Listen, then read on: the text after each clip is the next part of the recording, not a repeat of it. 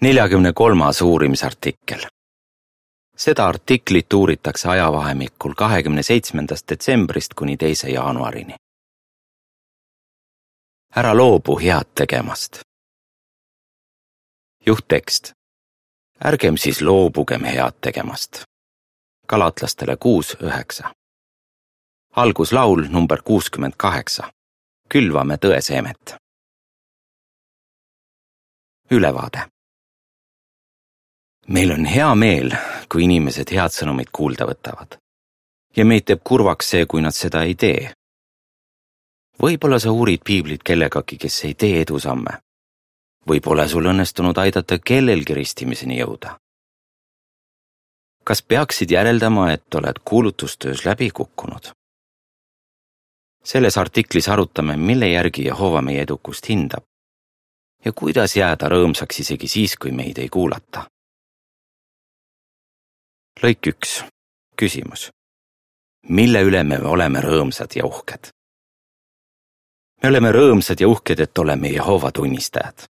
me kanname Jumala nime ja elame selle nime vääriliselt, tehes kuulutustööd ja õpetades inimesi. meil on hea meel, kui keegi, kes on valmis vastu võtma tõde, mis viib igavesse ellu, saab kristlaseks. Apostlite teod kolmteist nelikümmend kaheksa me tunneme sama, mida Jeesus, kes oli ülirõõmus, kui tema jüngrid tulid tagasi korda läinud kuulutustöö retkelt. lõik kaks, küsimus. kuidas me saame näidata, et kuulutustöö on meile oluline?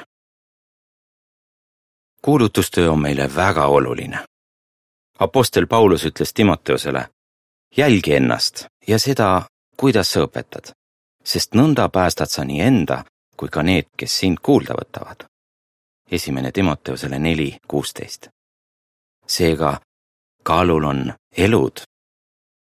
kuna me oleme Jumala kuningriigi alamad, tahame tuua oma käitumisega Jehovale kiitust ja elada kooskõlas hea sõnumiga, mida teistele kuulutame. samuti tahame järgida Pauluse nõuannet ja mõelda sellele, kuidas me õpetame me saame seda teha näiteks nii, et enne kuulutustööle minekut valmistume hoolega ja palume Jehovalt õnnistust. lõik kolm, küsimus. kuidas võivad inimesed kuningriigi sõnumile reageerida? too näide. kuigi me teeme oma parima, ei pruugi kuningriigi sõnum meie territooriumil head vastukaja leida. mõtleme näiteks vend Georg Lindalile, kes oli aastatel tuhat üheksasada kakskümmend üheksa kuni nelikümmend seitse ainus kuulutaja Islandil. ta levitas tuhandeid väljaandeid, aga mitte kellestki ei saanud Jehova teenijat, ta kirjutas. mõned näivad olevat võtnud seisukoha tõe vastu, kuid suurem osa on täiesti ükskõiksed isegi kui sinna läksid kuulutama Gileadi väljaõppe saanud missionärid, kulus üheksa aastat, enne kui esimesed islandlased pühendusid Jehovale ja lasid end ristida. lõik neli, küsimus. kuidas me võime end tunda, kui inimesed ei näita üles huvi piibli vastu? me võime olla pettunud, kui inimesed ei tunne huvi piibli vastu. võime tunda end nagu Paulus, kelle südames oli suur kurbus ja lakkamatu valu, kui enamik juute ei võtnud Jeesust vastu tõotatud messiana. kuidas on lugu siis, kui hoolimata kõigist pingutustest ja palvetest sinu piibliõpilane ei edene ja sul tuleb temaga uurimine lõpetada? või kui sul pole õnnestunud aidata kellelgi jõuda ristimiseni? kas tunned end süüdi ja mõtled, et Jehova ei õnnista su teenistust selles artiklis saame vastused kahele küsimusele. esiteks, mille järgi hindab Jehova meie edukust kuulutustöös? ja teiseks, millised peaksid olema meie ootused? mille järgi Jehova meie edukust hindab? lõik viis, küsimus. miks ei lähe meil Jehova teenistuses kõik alati nii, nagu me soovime? piiblis öeldakse inimese kohta, kes täidab Jumala tahet kõik, mis ta teeb, läheb korda. laul üks, kolm. see aga ei tähenda, et kõik, mida me Jehova teenistuses teeme, läheb täpselt nii, nagu me soovime. meie elu on täis vaeva, mida põhjustab nii meie enda kui ka teiste ebatäius. lisaks võivad meie kuulutustööd takistada meie vastased. mille järgi siis Jehova meie edukust hindab? Mõned piibli põhimõtted aitavad sellele küsimusele vastuse saada. lõik kuus, küsimus. mida meil tuleks teha, et olla Jehova silmis edukad? Jehova paneb tähele meie pingutusi ja vastupidavust. Jehova silmis me oleme kuulutustööl edukad, kui teeme seda hoole ja armastusega, sõltumata sellest, kuidas inimesed meie sõnumile reageerivad. Paulus kirjutas, Jumal ei ole ülekohtune, et ta unustaks ära teie töö ja armastuse, mida olete osutanud tema nime vastu. kui olete aidanud pühasid ja aitate veelgi. Heebrealastele kuus kümme. Jehova peab meeles meie tööd ja armastust, isegi kui me ei leia inimesi, kes tahaksid piiblit uurida. seega peavad ka tänapäeval paika Pauluse sõnad korintlastele. Teie vaeva nägemine isanda teenistuses ei ole asjatu. esimene korintlastele viisteist viiskümmend kaheksa. lõiguga kuus seotud piltide allkirjas öeldakse. kui me teeme kuulutustööd kogu südamest, on Jehoval meist hea meel. lõik seitse, küsimus mida me võime õppida sellest, mida Paulus oma teenistusest esile tõstis? Paulus oli tubli missionär, kes rajas palju uusi kogudusi.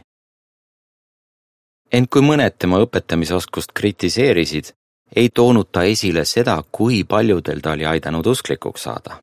selle asemel ütles ta hoopis, ma olen rohkem vaeva näinud. teine korintlastele üksteist kakskümmend kolm nii peaksime ka meie meeles pidama, et Jehovale on kõige tähtsamad meie pingutused ja vastupidavus. lõik kaheksa, küsimus.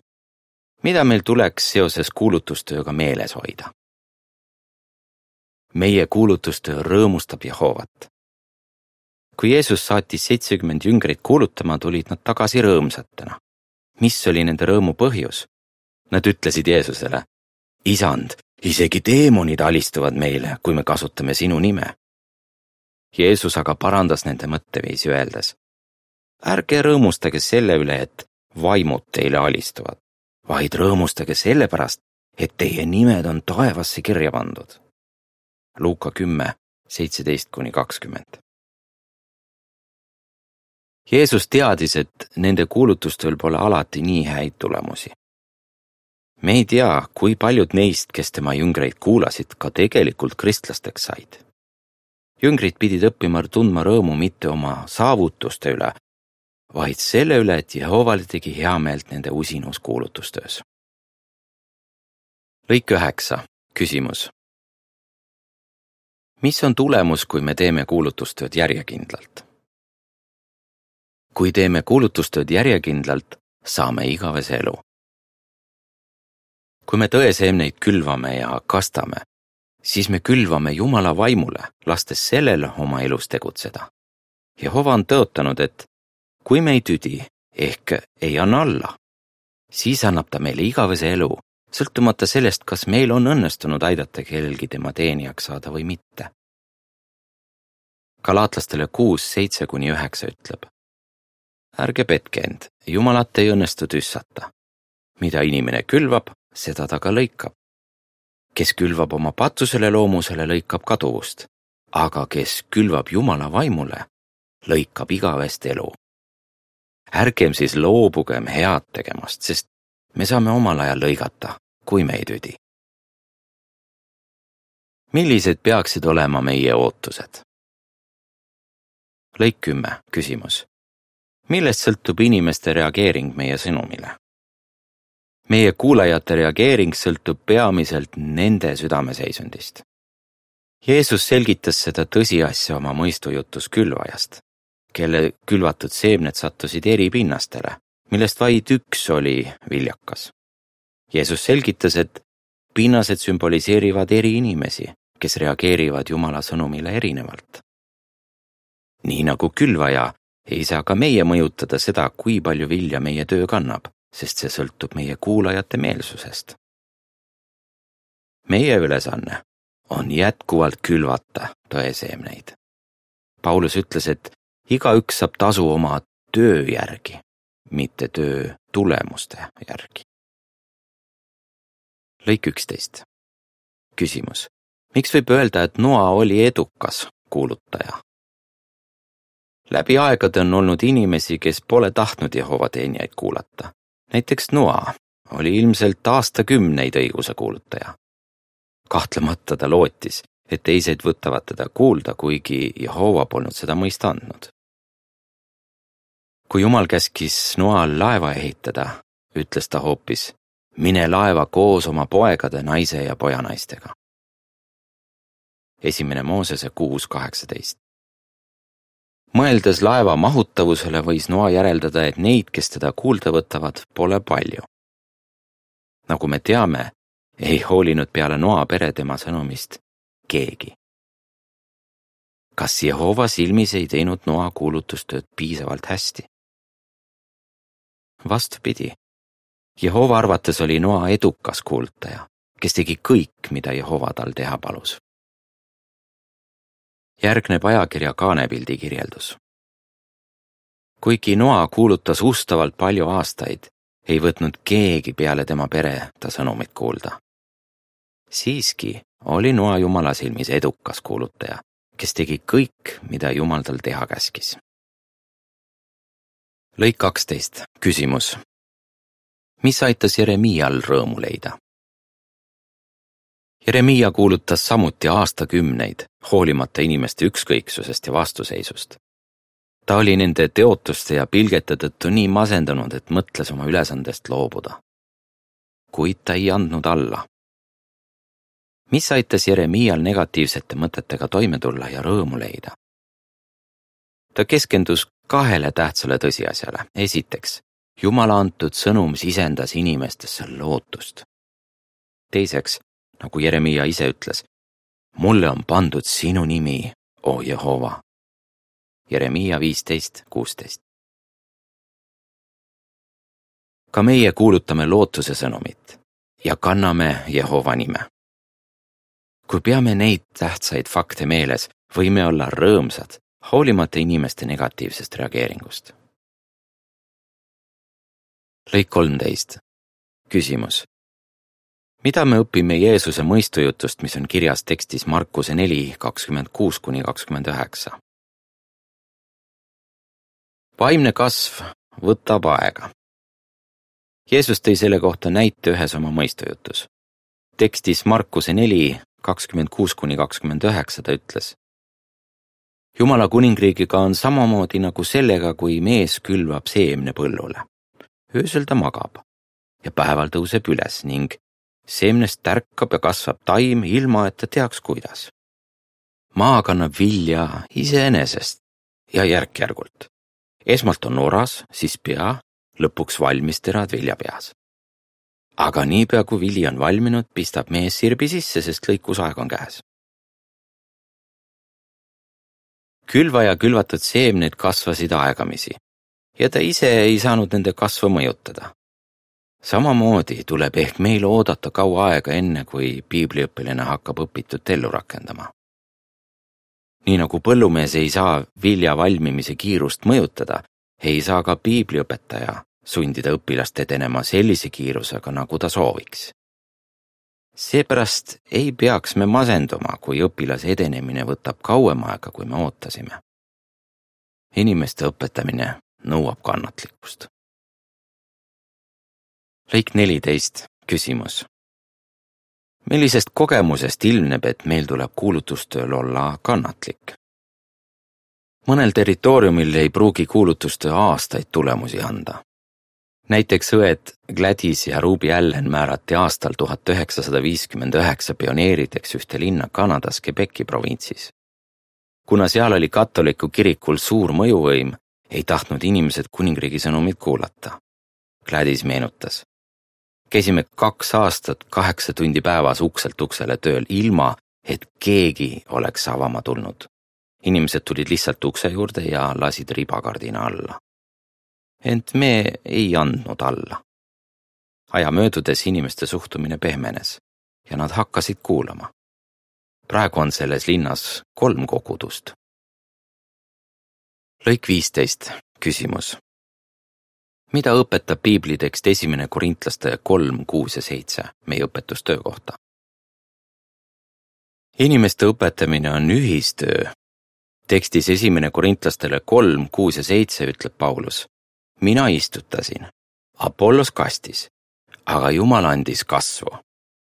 niisiis ei kuulu au mitte istutajale ega kastjale, vaid Jumalale, kes annab kasvu.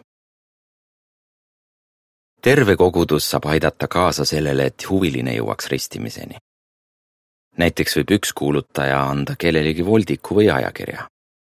kuna ta aga tunneb, et tema ajakava on liiga tihe, et selle inimese huvi edasi kasvatada, palub ta teisel kuulutajal teha temale korduskülastuse. see kuulutaja hakkab inimesega piiblit uurima. ta võtab uurimisele kaasa erinevaid vendi ja õdesid, kes kõik eri viisil õpilast julgustavad. Nii aitavad need vennad ja õed selle õpilase südames olevat tõeseemet kasta seega, nagu Jeesus ütles, saavad nii külvaja kui ka lõikaja lõikustööst rõõmu tunda. lõik kuusteist, küsimus. miks sa võid tunda rõõmu isegi siis, kui tervis või jõuvarud sinu võimalusi piiravad? Kuidas on aga lood siis, kui tervise või väheste jõuvarude tõttu on sinu võimalus osaleda kuulutustöös piiratud? sa võid sellegipoolest lõikustel osalemisest rõõmu tunda. mõtle näiteks juhtumile, kui kuningas Taavet ja tema mehed läksid oma peresid ja vara ammalekkide käest päästma. kakssada meest olid aga liiga kurnatud ja jäid seetõttu varustust valvama. Ent pärast seda, kui lahing oli võidetud, jagas Taavet sõjasaagi võrdselt kõigi vahel.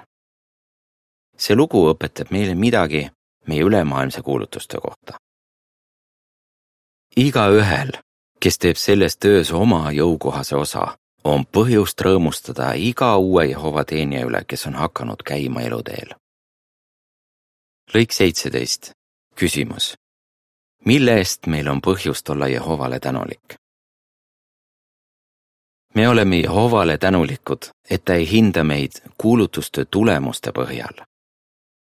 ta teab, et me ei saa kedagi sundida piiblitõde vastu võtma samas paneb ta tähele meie kõva tööd ja meie ajendeid ning annab meile tasu. samuti õpetab ta meile, kuidas tunda rõõmu oma osa üle lõikustöös.